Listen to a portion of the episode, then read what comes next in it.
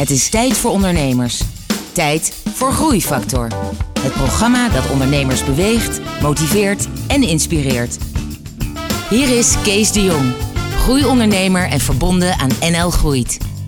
Hoe je erachter komt dat het woord interesting iets heel anders betekent dan interessant. Hoe twee kippenpakken in Londen kunnen leiden tot oprichting van het meest succesvolle reclamebureau in Nederland. En waarom het leven te kort is om het eikels door te brengen.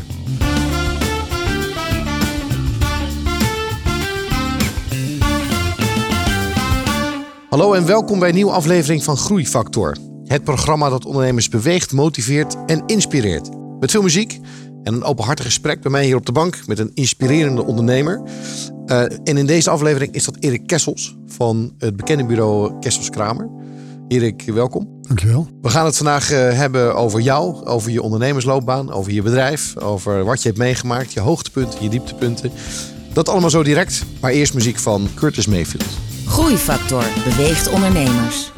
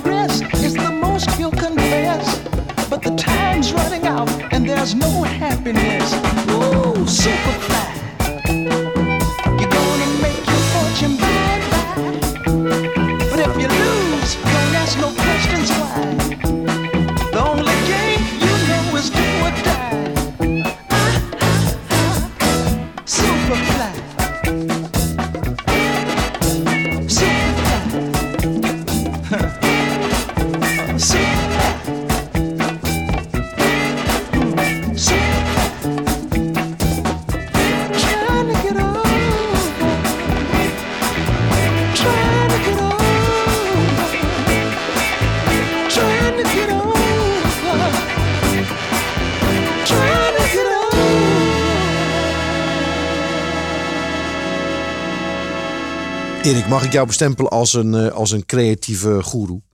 Dat mag, je, dat mag jij doen, maar ik zal het nooit zelf zeggen. Maar eh, Nee. Voor de mensen die het niet kennen, Erik ehm, of Kessels Kramer is een, is een bekend Nederlandse reclamebureau. Niet eens Nederlands, want jullie werken internationaal. En jullie werk is, eh, is, ja, is wereldwijd wel bekend. Ja. En, en jij bent daar oprichter van, medeoprichter, samen natuurlijk met Kramer, Johan Kramer, Johan Kramer. Ehm, en jij bent creatief directeur. Ja. Eh, Kan je een aantal voorbeelden geven van, van wat jullie hebben gedaan? Ja, wij, zeg maar, eh, wij hebben vanaf het eh, begin ooit, ook ooit Ben ge- gemaakt. Dus de, die telefoon, mobiele netwerk. En, en, en Ben is later overgenomen. En, en, en een paar jaar geleden is het weer opnieuw geïntroduceerd Ja. in Nederland. Maar Ja. dat doet eigenlijk geen recht aan, aan de uniekheid destijds van die, van die campagne. Want die campagne was echt spraakmakend. Van hallo, ik ben Ben.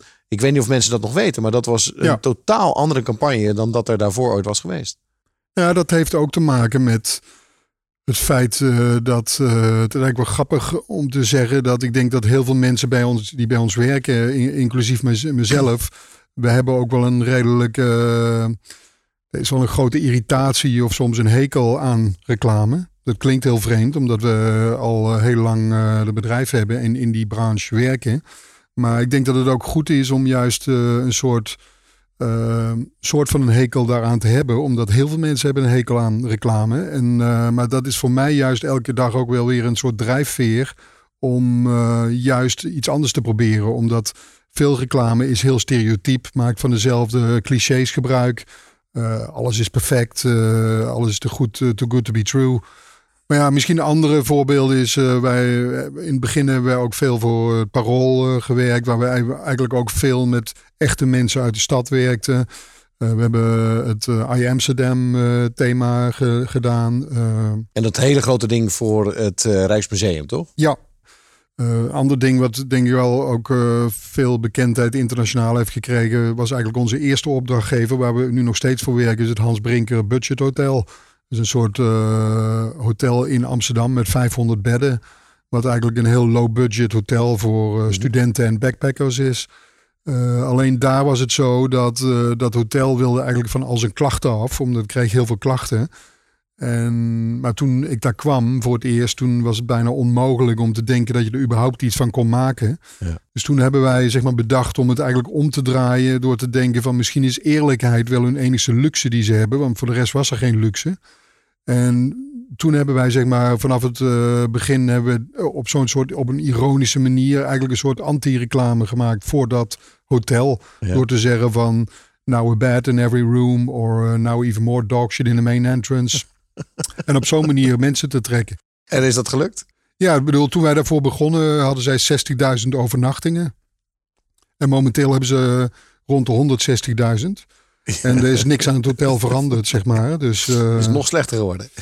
nou, dat niet. Maar, eh, maar ik bedoel, het is natuurlijk absoluut geen slecht hotel. Maar eh, het, eh, ja, het eh, is wel een hotel dat, dat je expectations eh, managt, zeg maar. Ja. Dus dat, eh, Hey, maar, dan eh, is het wel eh, grappig, want jij bent natuurlijk, jij bent natuurlijk vakman, jij bent creatief, hè? jij bent het product en je bent ondernemer tegelijkertijd en je moet je bedrijf bouwen. Ik kan me voorstellen dat dat eh, juist ook binnen jouw wereld een heel, heel lastige combinatie is. En, en daarnaast, en dat is misschien wel goed om te vertellen aan de, aan de luisteraars, je hebt een aantal hele, eh, zeg maar, tijd op eisende hobby's. Je doet heel veel met foto's, fotografie. Mhm. Eh, je organiseert tentoonstellingen. En, en daarnaast doe je nog een rits, een trits aan, aan, aan, aan activiteiten. Ehm, hoe maak je als, als ondernemer die combinatie van het zijn van het product en dan kom je op kantoor en dan moet je ook nog eens een keer je bedrijf bouwen. Hoe heb je dat ervaren? Nou, kijk, wij zijn niet als ondernemers eh, geboren. Eh, in, in dat geval eh, Johan en ik. En, Mhm. Johan is trouwens na acht jaar is zeg maar hij uit het bedrijf gestapt. Maar het is wel zo dat wij vanaf het allereerste begin heel erg intuïtief onze mensen kozen waarmee we werkten. Bedoel, je kan elk eh, businessmodel eh ernaast eh, zetten, maar dit het is altijd meer vanuit intuïtie gekomen en een gevoel voor de mensen en dat je, ik bedoel, het leven is te kort om met, zeg maar met mensen te werken waar je eigenlijk een hekel aan hebt. Ja. Dat geldt voor opdrachtgevers, maar dat geldt ook voor de mensen waarmee je werkt. Ja. Ehm, ik wil straks met je terug naar hoe het eigenlijk allemaal begon. Waar, waar kwam je vandaan en hoe uiteindelijk ben je zo in die creatieve sector terechtgekomen? Daar gaan we het zo dadelijk over hebben. Eerst muziek van Arrested Development.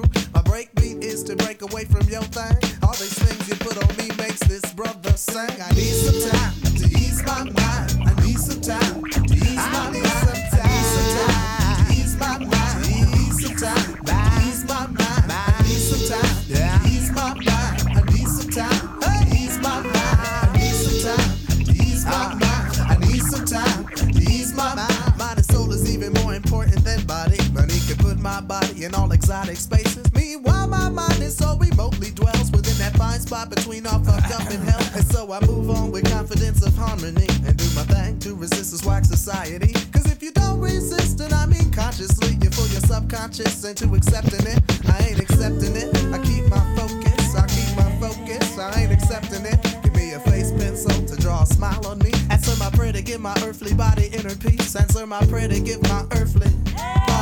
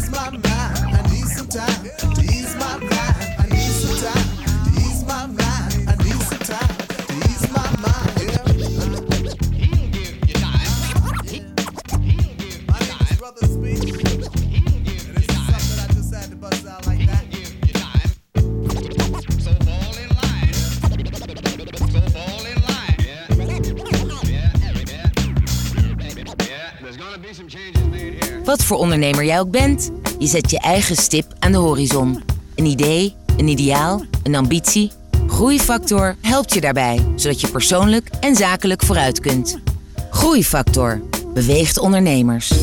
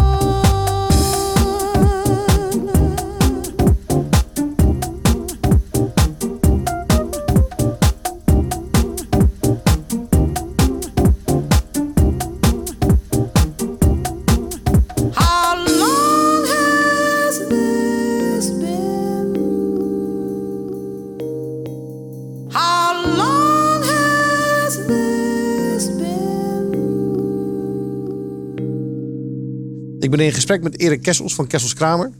Ehm, Erik, eh, was jij toen je jong was al creatief? Zat het er al eh, vroeg in? Ehm, nou ja, kijk, eh, bij mij is meer een.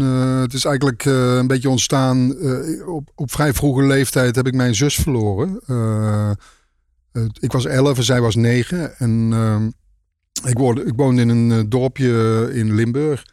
En eh, mijn zus is eh, met de hand, eh, met de fiets aan de hand, stak een weg over. Een soort drukke of een rijksweg.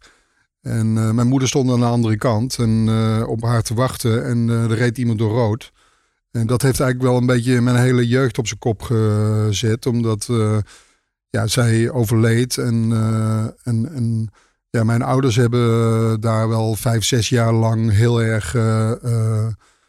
ja, zijn, zijn daar heel erg mee bezig geweest met het, eh, het verwerken van het verlies. En ik kan me ook, eh, bedoel, ik heb me toen eigenlijk heel erg gestort op het eh, op tekenen en op dingen maken. En ik voelde eigenlijk intuïtief dat ik niet naar buiten op straat moest gaan en hun daarmee misschien nog meer trammeland bezorgen. En, hè, dus, dat, dat, dus bij mij is het eigenlijk, en dat zie je toch ook wel vaker, dat het, ik, heb het idee dat je nooit echt met een creatief talent geboren wordt, maar dat daar wel een soort van.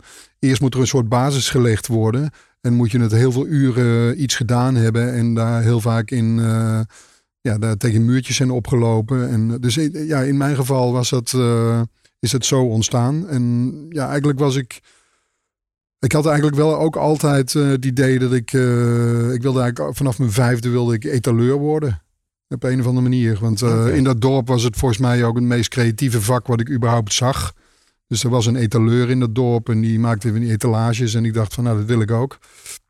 Dus toen ben ik eh, zeg maar zo snel mogelijk eh, met het tekenen en die droom om etaleur te worden, ben ik naar een soort vakschool gegaan. Dat was in Bokstel. En daar kon je dan als etaleur afstuderen.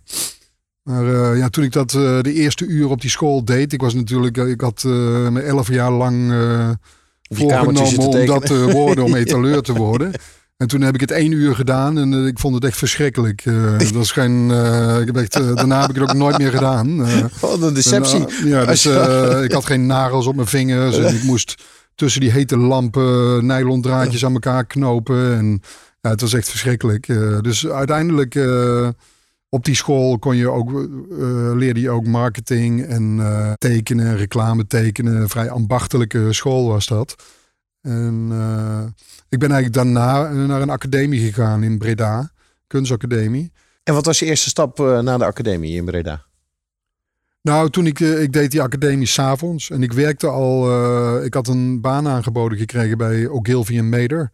En dat was in die tijd was een Het soort droom voor mij, ja. was dat. En, en, eh, Hoe heb je dat gedaan? Wat, wat had je gedaan dat ze je hadden gezien? Ja, ik had eh, in Eindhoven stage gelopen bij een aantal bedrijven. En iemand had mij opgepikt daar en eh, die had dat opgevangen.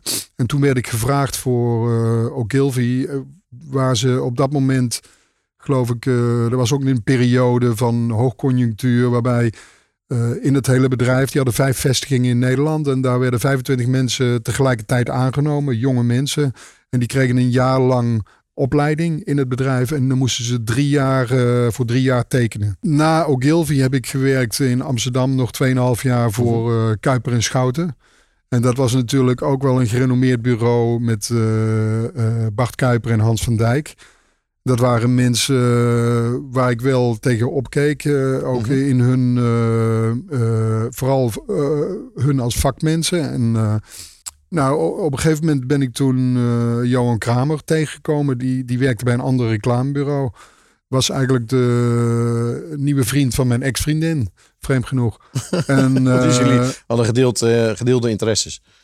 ja, in, in eh, veel, eh, op, op veel manieren. Ja. En ja, op een gegeven moment eh, wilde ik met hem gaan samenwerken. En eh, in Nederland hadden wij eh, toch al op verschillende plekken gewerkt. En, en eh, hadden wel een beetje het plafond be- bereikt van bureaus waar we in Nederland zouden willen werken. En eh, toen zijn we eigenlijk via een soort headhunter in Londen gevraagd. Omdat, in, omdat Nederland toen op dat moment ook wel vrij goed op de kaart stond internationaal. Met creativiteit die vanuit Nederland kwam. Was een Londens bureau, dat heette Chai Day. Dat was op, bezoek, of, op zoek naar mensen in Nederland. En de Chai Day was ook eigenlijk eh, in die tijd een eh, heel revolutionair bureau. Eh, in Londen ben ik, heb ik ook eh, voor het eerst met een computer gewerkt. Zeg maar, toen de allereerste computers uitkwamen. En Ja. daar ook grafisch al mee gewerkt. En, En dat was toen net op het punt dat internet een beetje begon. Ja. eh, ja. Ja. 94, 95. Nou, in Londen is het eigenlijk ook wel weer misgegaan. Omdat op wel een grappige manier, denk ik. Omdat bij Chai Day zijn wij op een gegeven moment. Waren er wat spanningen. Dat was een heel jong bureau. De gemiddelde leeftijd was eh, begin 20. Er waren 40 mensen zaten daar. Eh, op een gegeven moment zijn Johan en ik hebben toen een. eh, omdat wij dachten van we moeten toch een beetje iets doen om het op te vrolijken, dit bedrijf. Eh, toen zijn wij zeg maar, eh, in, hebben we allebei een kippenpak gehuurd. en daar zijn we mee eh, eh, op het werk gekomen. Gewoon om het even te doorbreken. En eh, nou ja, uiteindelijk eh, waren er een aantal mensen die dat wel heel erg leuk vonden. Maar er was ook, was ook een gedeelte die het totaal eh, eh, niet kon waarderen. Omdat twee weken later zijn we eigenlijk ontslagen. En toen stonden we op straat. En toen hadden we, toen hadden we de pakken net ingewisseld. Maar nee, dat... Door maar dat, maar waar zat het dan in? Zat het dan in de Engelse cultuur? Of was dat... Ja. ja, dat was een groot conflict ook. Omdat wij bijvoorbeeld het woord alleen al het woord interesting. Daar zijn wij al, daar zijn wij een paar keer behoorlijk door de fout in gegaan. Ja. Omdat als je in Nederland, eh, kijk, wij, wij, wij, wij, wij maakten toen werk en, en er waren andere. eh, er waren, was een cre- creatief directeur in het bureau en die, die besliste of het werk goed was of niet genoeg, goed Ja. genoeg en of het door kon. En eh, vaak zei hij, eh, oh, that's interesting, very interesting. Alleen wij dachten interesting, eh, als- je in Nederland zegt iets is interessant, dan ja, Zit er een belofte achter? ja. in Engeland betekent eh, interesting is gewoon, dat is kut. Dus het kan gewoon eh, de vuilnisbak in, Eh, daar hoef je niet meer over na te denken. Dus dat, dat zijn codes en eh, daar zijn we eigenlijk te laat achter gekomen. dus dat, eh, ja, dat... eh, dat, dat kippenpak vonden ze ook interesting. ja, precies. Dat, nou, en trouwens, het was ook nog wel interessant dat toen wij ontslagen werden, toen Johan en ik moesten in een kamertje komen. En twee mensen ja, die, waar wij mee werkten, die, de directeuren waren daar, die kenden we, wij goed. En die, eh, dat was een team, was dat trouwens, dat was ook een creatief team. Ja. En eh, die, ja, achteraf bleek dat die, die eh, moesten uitleggen hoe wij eh, ontslagen, ja, dat wij ontslagen waren. Ja. Alleen zij gingen zo om de kerk heen, rondjes om de kerk, dat wij het totaal niet begrepen en dat wij dachten dat zij ontslagen waren. en dus op een gegeven moment gingen wij gewoon zeggen van dat wij wel taken van hun over zouden nemen. Of, en waardoor zij nog steeds, zij werden steeds nerveuzer. En eh, ja, op een gegeven moment heeft iemand het gewoon keihard gezegd of zo. En toen begrepen we het pas. Maar dat, dat, de, de- ja, daar, eh, dat was zeg maar de. De indirectheid van de Engelse... Ja. hebben jullie uiteindelijk... eh, Daar hebben we wel veel van geleerd. En, eh, maar dat was totaal open en bloot. Het verschil tussen Engeland en, Ja. eh, en Nederland. eh, en zeker in communicatie en directheid was dat wel eh, interessant. Ja. Oké, maar vol vuur en passie eh, waren jullie vervolgens naar Amsterdam gegaan en bedachten: oké, wij gaan ons eigen bureau beginnen. Ja. Samen, Johan en jij en Kessels Kramer. Ja. Nou, ik, daar wil ik straks alles over horen. We luisteren eerst even naar muziek.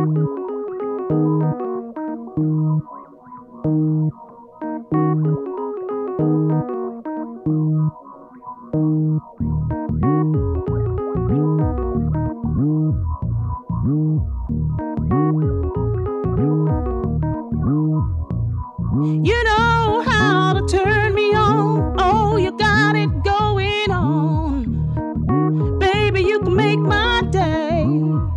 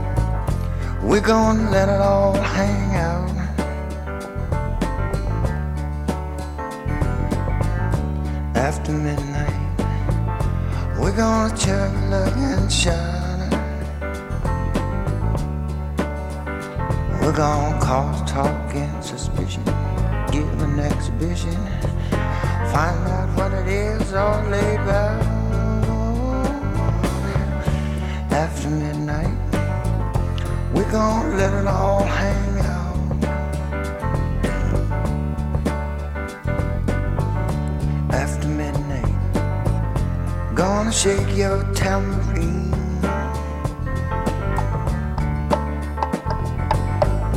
After midnight, it's gonna be peaches and cream. We're gonna cause talk and suspicion, give an exhibition, find out what is all about. After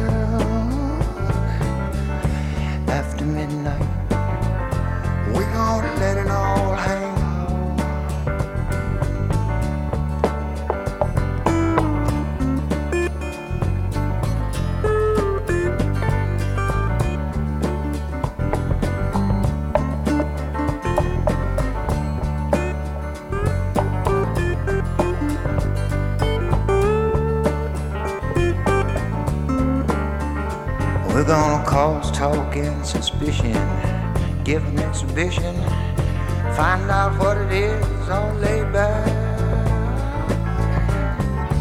After midnight, we're gonna let it all hang out.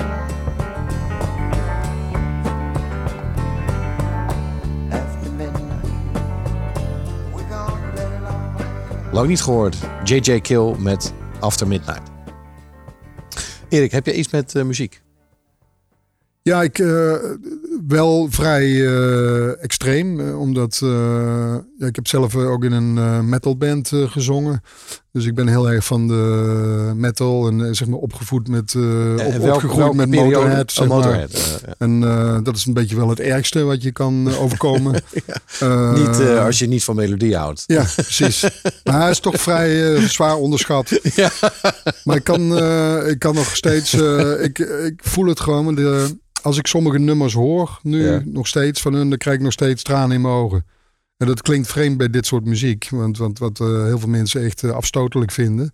Eh, maar eh, ik ben ook wel weer heel erg... eh, ik hou ook heel erg van modern klassiek. Dus het is misschien het meest bekende is dan Philip Glass, Ja. Steve Reich, Ruichi Sakamoto, dat is een Japanse componist. Maar je hebt ook een eh, Belgische componist die ik erg goed vind, eh, Wim Mertens.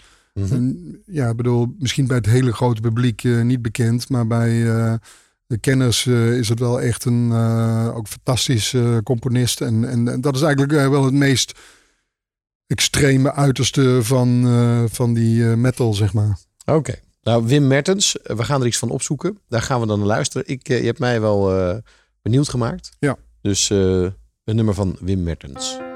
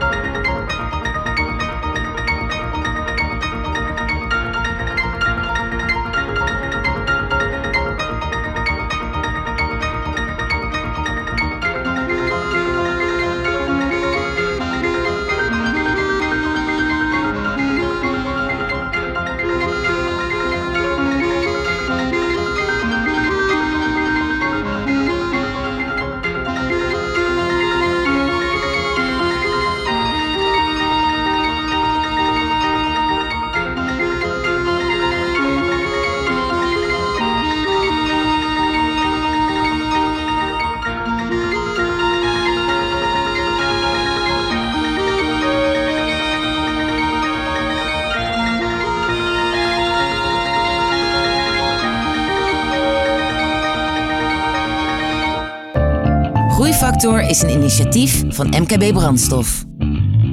Ga naar groeifactor.nl voor nog meer openhartige verhalen van inspirerende ondernemers. Groeifactor inspireert ondernemers. Exactly how you hear it is exactly how it all went down.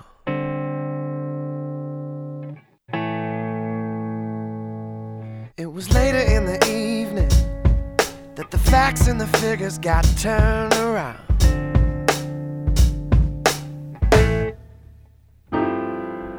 True, there was a woman. Yes, she did advance my way.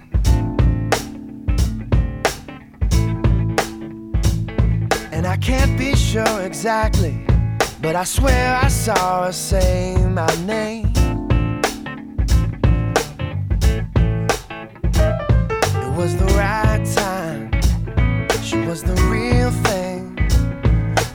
Walk away. See, don't wanna be stitched up, out of my mind, feeling strung out, lagging behind, all trapped in. Can't do a thing because I'm locked down. Stitched up, feeling the burn, all strung out. I finally learned that trapped in. Can't do a thing because I'm locked down.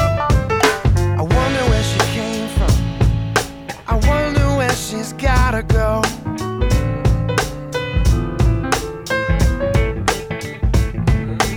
Who's to say she's single? Who's to say she's on her own? Girls like that don't sleep alone. Alright, here's the thing, here's the thing. That girl is flawless, and I know I'm not the first one to think that. Since I'm not the first, sure won't be the last. I spent my whole life looking behind my back. I just don't think I'm up to that. Stitched up, out of my mind, feeling strung out, lagging behind, all trapped in. Can't do a thing because I'm locked down. Stitched up, feeling the burn, all strung out. I finally learned that trapped in, you can't do a thing because you're locked down.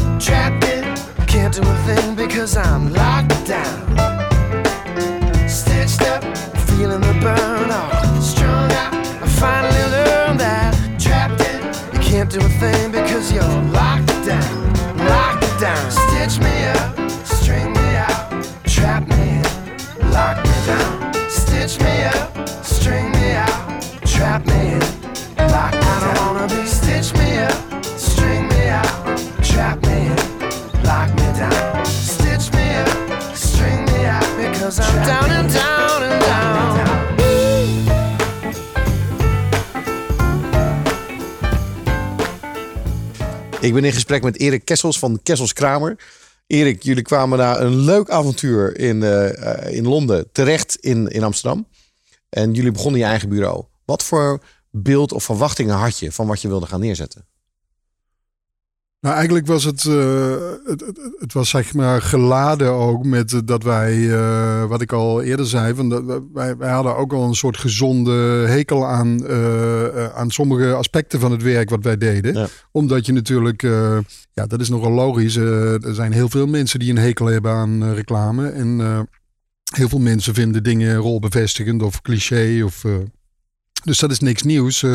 Maar dat makers dat zelf hadden, is wel een beetje. Dus wij waren daardoor geladen en, en wilden ook echt eh, ja, een, een, eh, een bureau opzetten wat, eh, waarin we eigenlijk vrij direct met opdrachtgevers werkten. Dus dit kwam ook voort uit een frustratie dat je bijvoorbeeld in Londen en ook in, in Nederland in die tijd was het zo dat eh, ja, de, de creatieven werden vaak een beetje bij de opdrachtgevers weggehouden. Als een soort van, ja, dat zijn de weirdo's, zeg maar. Ja, daar wil je niet meer praten. Die, nee, eh, die precies. gooien we pizza's En, eh, ander ding was dat wij eigenlijk een bureau wilden opzetten zonder account executives. Ja. Dus dat, dat zou dan ook inhouden dat je juist daardoor ook weer direct met de opdrachtgevers werkte. En een ander ding was dat wij eigenlijk ook wel een beetje onze hobby's. Eh, filmen, dingen met fotografie, het, eh, allerlei dingen proberen. Dat we dat ook eh, ja, in ons werk wilden binnenbrengen en ook binnen het bedrijf wilden binnenbrengen. Omdat dat was ook altijd wel een beetje een probleem als je voor iemand anders werkte om dat te doen. Ja. Zo, dat, zo, op, ja, zo is het eigenlijk begonnen. En het was wel zo dat wij voelden wel vanaf het begin al van... Wacht even, eh, ik ben dus dezelfde persoon die eh, het idee heeft, die het idee moet verkopen, maar die vervolgens ook nog een prijskaartje daar moet hangen eh, aan, aan, aan, het, aan, aan zo'n idee. En ja, dat hebben we eigenlijk vanaf het begin ook al gedacht van dat moet gewoon iemand anders doen en dat moeten we van elkaar scheiden. Ik bedoel, Ja. wij bedenken het, wij eh, presenteren het graag aan degene die er ook over gaat en die het kan beslissen. Maar als het over het geld gaat, moeten wij dat niet doen. Ja, want jullie bureau bestaat nu 21 jaar. Ja. Als je die eh, periode, als je daar een aantal hoogtepunten, een aantal dieptepunten van mag benoemen, wat zou dat dan zijn? Nou ja, de- het, het, de, het dieptepunt is dat meer het menselijke drama in het bedrijf ook. En dat is dan bijvoorbeeld dat nu ongeveer zo'n 12, 13 jaar geleden zijn twee eh, meisjes die bij ons werken. eh, die, eh, gingen, die waren onderweg voor, voor werk op een trip naar Zuid-Afrika. En die zijn drie, da- drie dagen daarna waren zij allebei dood. Omdat ze in een auto-ongeluk met een frontale botsing oh om het leven kwamen. Eén meisje was eh 30, één was eh, eh, 32. Eh, Barbara en Karin. En eh, nou ja, dan sta je als bedrijf wel even eh, vreemd te kijken. Als je, je, wij hadden een hele hechte groep. Voor heel veel mensen in het bedrijf was dit voor het eerst, voor jonge mensen was dit voor het eerst dat zij überhaupt met de dood van iemand die dicht bij hun stond of die ze goed kenden te Ja. maken kregen. En nou ja, toen zijn we wel even door een hele donkere periode gegaan. We, we hebben het bedrijf een paar weken gesloten. We hebben eh, elke eh, één of twee dagen met de hele groep eh, of een wandeling gemaakt of eh, een keer samen gegeten. Om op zo'n manier toch ook eh, iedereen bij elkaar te houden. En maakt eh, het voor jou nog iets los vanwege je jeugdtrauma? Dus ik weet niet of dat... ja, nou, dat- eh, ik, ja, ik heb niet zozeer een jeugdtrauma, want ik heb altijd eh, vrij goed met mijn ouders erover kunnen praten. En ik ben daar wat dat betreft eh, eh, wel goed doorheen gekomen. En, maar kijk, eh, ehm, ik heb toen een aantal maanden. ja, ook wel bezig geweest binnen het bedrijf om dat bij elkaar te houden en iedereen daar positief en goed in te houden. Maar toen dat een beetje weer eh, allemaal op orde was, toen, toen ben ik zelf eh, ook wel eh, een tijd overspannen geweest. Omdat, omdat toen kwam het bij mij Ja, binnen. En, Want daarvoor moest je zorgen. ja, Ja. en je hebt het niet in de gaten. En ik dacht van ik neem nu zelf even twee weken vakantie. En nou, toen sloeg het toe en toen kreeg ik gewoon een hernia en overspannen. En toen Ja. ben ik al een pa- paar maanden uit de running geweest. Zijn er Maar veel mensen weggegaan daarna, na die periode? Want ik kan me ook, ook voorstellen dat het wel heel lastig is. Omdat je dan iedere dag wordt geconfronteerd met het feit dat die mensen weg zijn. Als nee, er als is niemand Nee? weggegaan toen. Nee, maar, eh, en er is ook. eh, wij, wij deden elk jaar, eh, omdat wij, wij, gek, wij werken in een kerk in Amsterdam, een Ja. voormalige kerk. Fantastische kant- kantoorlocatie. jullie. Maar, ehm, en die leent zich natuurlijk ook, ja, wat dat betreft, eh, wij, de, in, in kerken zie je vaak dat eh, ook eh, glas- in loodramen gesloten waren. Omdat ze dat deden, omdat el- elke kerk moest voor elk glas- in loodraam be- belasting betalen. eh, wij hebben toen drie van die ramen geopend als een soort eerbetoon aan, aan die twee meiden. En in het middelste raam hebben we dan hun initialen gezet in, in dat glas in lood. En elk jaar eh, bij die, eh, bij die eh, overlijdensdag hebben we een soort van dienst gedaan, zeg maar. Of een, hebben we iets samen gedaan in de kerk en, of daarbuiten. En, en ja, dus dat, dat, en daar zag je ook dat zelfs jaren daarna mensen die dan wel weggingen, dat die altijd op die dag ook weer eh, terugkwamen. Dus ja, wat dat betreft hebben we wel een hele hechte familie eh, gecreëerd ook. Juist door dat soort eh, pijnlijke momenten ook. En een ander pijnlijk moment, want je gaf aan inderdaad dat je compagnon op een gegeven moment uit het bedrijf ging. Ja. Was dat pijnlijk? Mm, Nou, het was wel. kijk, het pijnlijke was natuurlijk dat wij. Wij, wij waren niet begonnen om eh, dit op een gegeven moment eh, op zo'n manier te laten eindigen, zeg maar onderling. Mhm. Eh, en het was ook dat onze ambitie was ook om dat, dat je binnen je werk en ook aanverwant soms ook je hobby en je passies kon doen. Dus bij Johan was dat heel veel filmen, en regisseren. Eh, maar op een gegeven moment wilde hij gewoon dat nog meer. En eh, ook voor, eh, zelfs voor andere opdrachtgevers, misschien voor andere bureaus, dat hij als regisseur ook ging werken. Ja, en dat was gewoon te veel. Omdat dan, dan werd uh, Kramer eigenlijk meer een soort studio of een productiebedrijf in Ja. plaats van een bureau wat, wat zijn eigen opdrachtgevers heeft. Dus ja, dat was eigenlijk een soort. Het, is niet in één keer gekomen. Het heeft natuurlijk wel een aantal jaren hebben we daarover gepraat. En op een gegeven moment eh, is dat ook in goede. eh, ja, uiteindelijk is dat gewoon. eh, zijn we ook als goede vrienden wat dat betreft uit elkaar gegaan. En, en hoe ben je het daarna weer gaan opbouwen? Ben je echt mensen erbij gaan zoeken als partners of gaan promoveren die dan onderdeel hè, zouden maken van, van het juiste, hè, de juiste chemische reactie onderling, zeg maar? Dat je, dat je een, topteam maakte wat gewoon jou aanvulde en, en andersom? Nou, wat je wel zag is, dat is eigenlijk niet gebeurd, maar wat je wel zag, want we werkten eigenlijk al met 20, 25 mensen in die tijd. En, en eh, toen Johan en ik er eh, samenwerkten, zag je dat aan het einde van het jaar dat wij toch wel 70, 80 procent van alle werk gemaakt hadden. Terwijl je gewoon misschien 10, 15 eh, creatieven had die ook werk maakten. Ja. Dus eh, ja, in die tijd eh, toen hij eh, wegging, is het eigenlijk eh, natuurlijk zo ontstaan dat de andere creatieve mensen in het be- bedrijf ook meer mandaat kregen om een project zelf te trekken en om een keer op een, een fout te maken en een keer te stranden in een project en, en het van daaruit weer opnieuw op te pakken.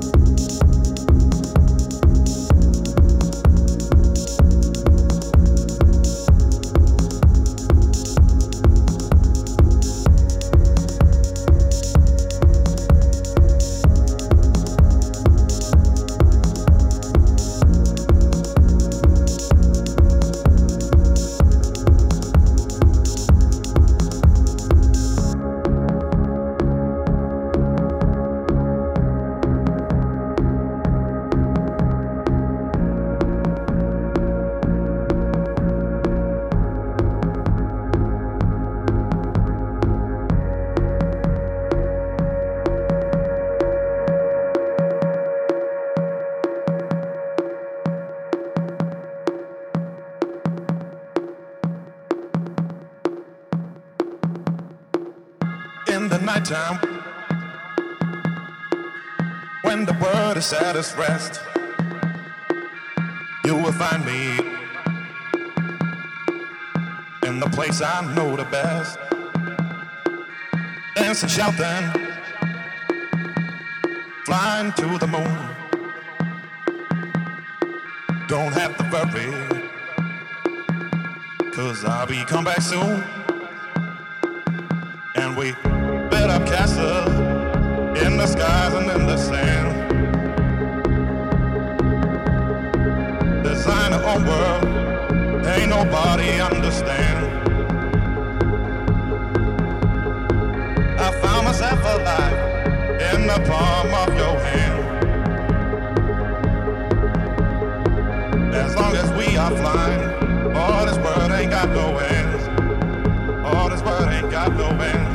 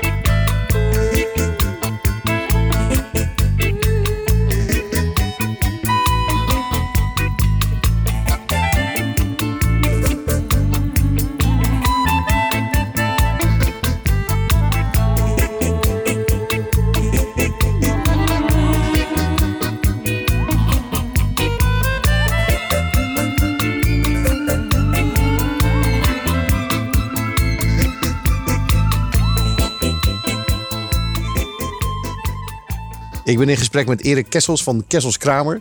Hey, ik, heb, ik heb eigenlijk nog een, nog een paar vragen eh, die ik toch wel in dit gesprek ook beantwoord wil zien. En, en ik voel dat ik hier eh, tegenover een goeroe zit. Maar, maar, en het is de onmogelijke vraag. Maar, maar wat is nou precies het geheim? Eh, Hoe, van, van, van waarom sommige dingen nou, nou wel werken? Wat, je gaf al aan van jullie maken reclame omdat je er eigenlijk zelf een hekel aan hebt. Dus, dus je maakt het zo dat het in ieder geval nog anders, slimmer, verrassender en, en, en andere dingen prikkelt. Maar wat is nou, wat is nou het geheim? Nou ja, kijk, een hekel, dat is ook een beetje een provocatie natuurlijk, dat je er een hekel aan hebt. Maar uiteindelijk eh, moet je natuurlijk van het werk wat je zelf maakt, moet je natuurlijk wel heel erg eh, houden Ja. natuurlijk. Dus, eh, maar kijk, jij zei dat zelf net ook al een beetje. Het, heeft- het heeft ook iets ongrijpbaars eh, natuurlijk. Eh, kijk, ik verbaas mij ook soms dat je op een gegeven moment een idee hebt en je hebt een hele goede dag. Dan bedenk je een idee en eh, de volgende dag wordt het gepresenteerd. En vervolgens gaat dat bedrijf jarenlang met dat idee. En daar worden ze bekend Ja, door. zoals En- even Apeldoorn bellen en eh, zo'n idee was. Ja. Maar ehm, het gekke is ook, als jij op die dag eh, misschien een mindere dag gehad had, eh, dan heb je misschien een ander idee eh, bedacht. En, en dat is misschien niet zo goed. Of, ja, maar één keer een goed idee hebben, dat heeft iedereen wel. En twee keer, dat is dan hè, een beetje mazzel. Maar jij doet het al twintig jaar. Ja, dit is ook een beetje een. je leert ook een beetje creatief te zijn op commando, zeg maar. En, maar daar, daar heeft ook mee te maken dat je. Het proces is juist. eh, ik heb daar nu ook een eh, boek over geschreven. Wat eh, gaat over dat je in een creatief proces juist fouten moet maken. Zoveel mogelijk fouten. Ja. Dus dat betekent niet letterlijk zoals je. zeg maar, iedereen maakt fouten dagelijks. Maar dat, daar leer je dan van. Maar ik bedoel dan meer dat je in je denkproces in, het, in je hoofd. Ik bedoel, er is al zoveel gemaakt. En rijdt, rijden zoveel mensen op die snelweg in de file. Dat je gewoon eh, eh, totaal tegenovergestelde moet doen. als die, dat navigatiesysteem je vertelt, metaforisch. Dus je Ja. gaat gewoon een verkeerde weg in. En dan zegt dat, eh, dat ding slaat op hol. En die zegt van keer om, keer om. Maar dan moet je gewoon doorgaan en de, de verkeerde weg inslaan. En dan kom je misschien op plekken waar, waar er een gebied is wat nog nooit bewandeld is. Die manier van denken, dan moet je natuurlijk ook durven. Want bijvoorbeeld in een proces moet je heel erg eh, eh, onzeker zijn. Hè? Dus in een denkproces om, om iets nieuws te bedenken moet je eh, echt onzeker zijn. En misschien moet je het soms bewust opzoeken. En je moet bang zijn en, eh, en, eh, en, en onzeker en, en probeer en, eh, wat als ik dit, wat als ik dat. Alles moet openstaan. En dan op een gegeven moment heb je iets gevonden. En dan maak je dat compleet.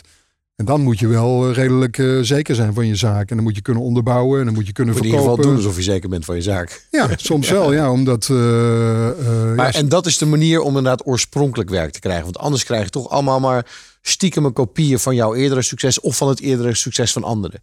Ja, en, en dat betekent ook dat het soms fouten zijn, soms zijn juist ook weer heel erg goed. Ook bijvoorbeeld een fout. Kijk, om een hotel zo te positioneren, hè, precies andersom. Of eh, door eh, een. eh, ja, er zijn veel voorbeelden van waarbij we het eigenlijk omgedraaid hebben. Ja. En het lijkt alsof het helemaal verkeerd is. Maar het was een hele strategisch en, en marketingtechnisch gewoon een hele slimme zet. Ja. En dat. maar iedereen vertelt je van tevoren van ja, dat kan niet. Terwijl dat is iets wat je ook moet omarmen. En kijk, nogmaals, ik heb het puur over het hele kleine gedeelte van dat je echt iets moet bedenken. En dat Ja. je je hoofdpijn doet omdat je, omdat je het nog niet hebt. En dat je. Kijk, dat is ook iets wat. Daar heeft niemand een talent voor. Dat moet je. eh, Je moet, je moet alleen. Op een gegeven moment leer je om die onzekerheid op te zoeken Ja. in je hoofd. En dan daar iets mee te maken. Ja. Maar eh, voor mij is dat nog steeds. Ik doe het al eh, meer dan 25 jaar. Maar voor mij is datzelfde proces nog steeds eh, pijnlijk in mijn hoofd soms. Gelu- Gelukkig hoeft niet iedereen te zien welk soort, wat voor ideeën ik in mijn hoofd, eh, wat ik allemaal bedenk. Mhm. Want ja, dan zou ook iedereen zien van hoe amateuristisch dat eigenlijk is. Of, eh, maar, maar ik ben in ieder geval niet Ja. bang om, het, om, het, om, om, dat, om dat falen op te zoeken Ja. en het, daar iets mee te doen. En dat, want kijk, van een, ja, een, een mooie buitenkant en een perfect eh, uitgangspunt, daar eh, maak je geen nieuwe ideeën eh, van. Openhartige gesprekken met inspirerende ondernemers. Je luistert naar Groeifactor.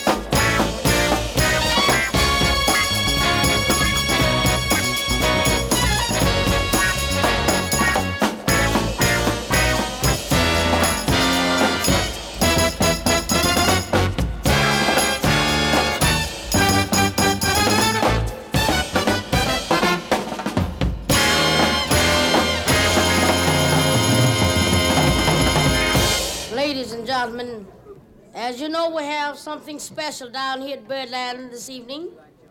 A recording for Blue Note Records.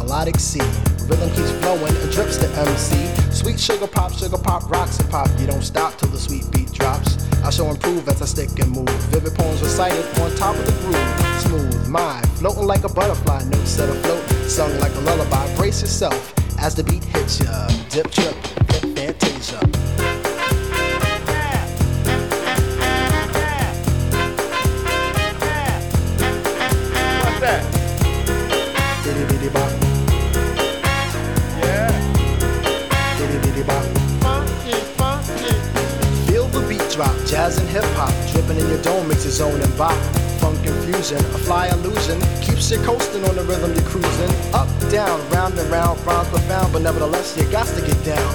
Fantasy freak through the beat so unique, you move your feet and sweat from the heat.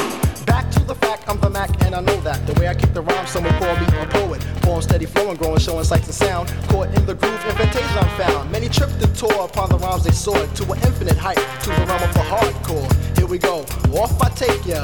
Dip trip, lip fantasia.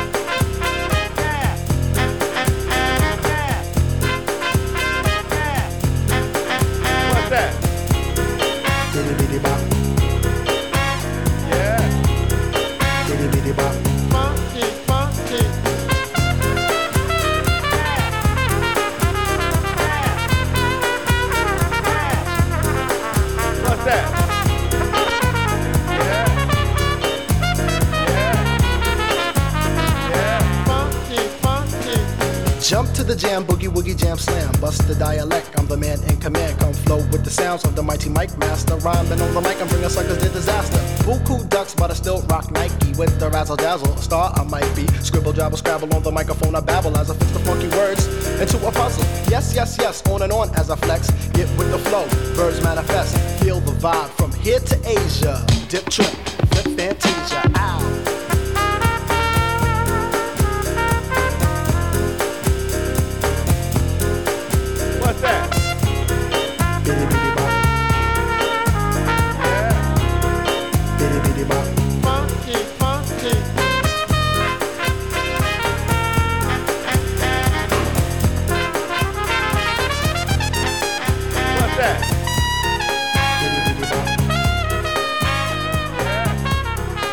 Dat was muziek van Us 3 en daarvoor hoorde je muziek van Quincy Jones.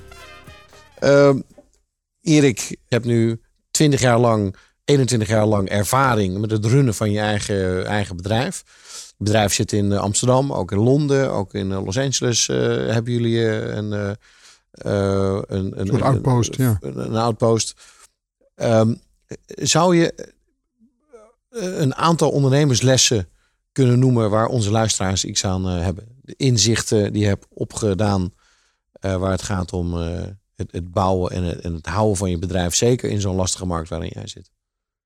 Nou, kijk, een van de belangrijkste dingen is dat je, eh, je, dat je ook wel in je intuïtie moet geloven. Hè? Dat als ik terugkijk, ja, wij hebben, we hebben nooit in een, we hebben nooit echt heel erg ver vooruit gedacht van dit willen wij.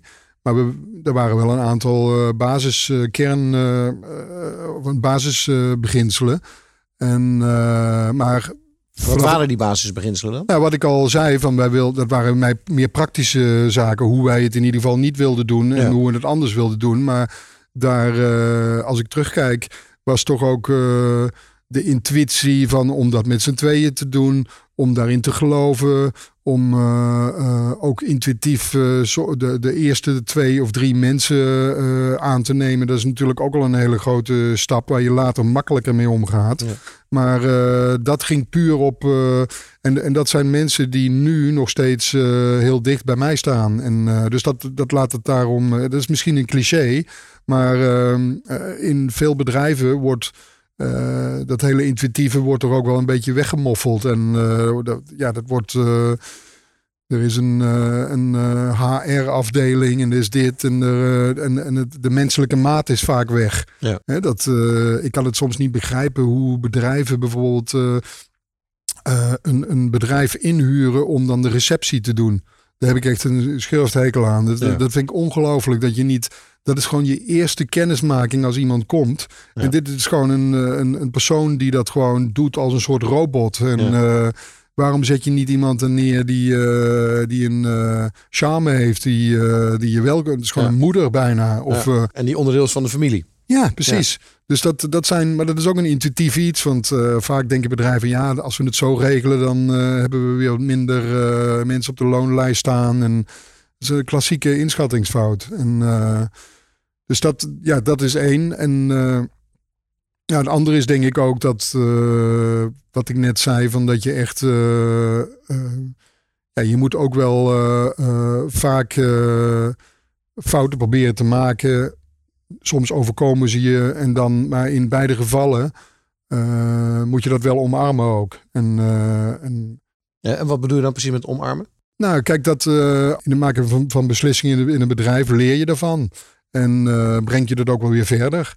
En in puur praktisch in mijn werk zelf, wat ik net uitlegde, is het iets wat, wat je ook, waardoor je weer op nieuwe dingen komt en weer op Ja. nieuwe inzichten. En, en, en daarbij eh, simpel, eh, ik heb het ook, ik heb het ook een keer gehoord. eh, ik denk dat dat misschien het allerbelangrijkste is. Eh dat klinkt misschien vreemd, maar life is too short to spend it with assholes. Ik denk dat dat is ook heel belangrijk. Want uiteindelijk, kijk, wij kunnen hier het hebben over een bepaald bedrijf op een bepaalde manier runnen. Of, maar uiteindelijk komt het er toch ook op neer of je je prettig voelt. Of je gewoon aan het einde van de dag fluitend naar huis gaat. Of je gewoon eh, met eh, goed humeur, humeur bij je man of bij je vrouw aankomt. Daar een fantastische avond mee hebt. En daardoor weer de volgende dag ook eh, met plezier naar je werk gaat. Dat is, heeft allemaal met elkaar te maken. En zeker in mijn vak, waar ik, ik moet gewoon fit zijn om nieuwe ideeën te bedenken. Of eh, eh, eh, ideeën van mensen te beoordelen of het goed is of niet. van mensen. Ja, en eh, daar moet je eh, fit voor zijn. Als je dat niet bent, dan ben je niet goed in dit vak. Dat, wat, wat dat betreft is het een soort eh, topsport. Erik, je hebt eigenlijk zoveel dingen gedeeld. En ik zou eigenlijk nog zoveel eh, aan je willen vragen over eh, de ervaringen binnen de Nederlandse reclame-industrie. Alles wat je doet met fotografie, je tentoonstellingen die je organiseert. Je internationale reizen die je hebt gemaakt. Alle effies eh, eh, die je hebt gewonnen. Alleen, ja, helaas moet ik zeggen, eh, de tijd zit erop. Ja. Dus eh, ik, eh, ik wil je bedanken. Ik heb enorm genoten van het interview. Ik heb ook enorm van jou genoten. nou, dat kan ik ook aan de hand geven. Eh, voor de luisteraars, je luisterde naar een aflevering van Groeifactor. Eh, graag tot een eh, volgende keer.